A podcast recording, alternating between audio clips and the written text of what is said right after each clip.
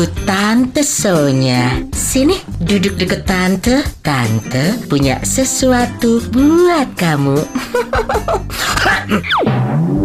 Hai besties, hai friend, hai momis, apa kabar? Tante Sonya hadir lagi nih ingin menyapa para momis di seluruh Indonesia. Sekarang ternyata Tante Sonya baru tahu loh kenapa di Indonesia menggunakan istilah ibu untuk para momis. Iya dong, selain menggunakan bahasa Indonesia, ternyata ada sejarah penting kenapa orang tua perempuan itu kita panggilnya ibu yang paling nyaman di Indonesia. Walaupun banyak sekali sebutan untuk para momis ya. Tapi yang digunakan adalah tetap ibu. Misalkan kalau yang ke Arab-Araban manggilnya Umi atau mungkin yang rada-rada Betawi emak atau mungkin ada yang manggil dengan kata mama atau mungkin bunda. Nah, soalnya empat sapaan untuk momis yang tadi itu dirasa tidak cocok digunakan di Indonesia. Seperti Umi, emak, mama, dan bunda. Kenapa sih ternyata ada sejarah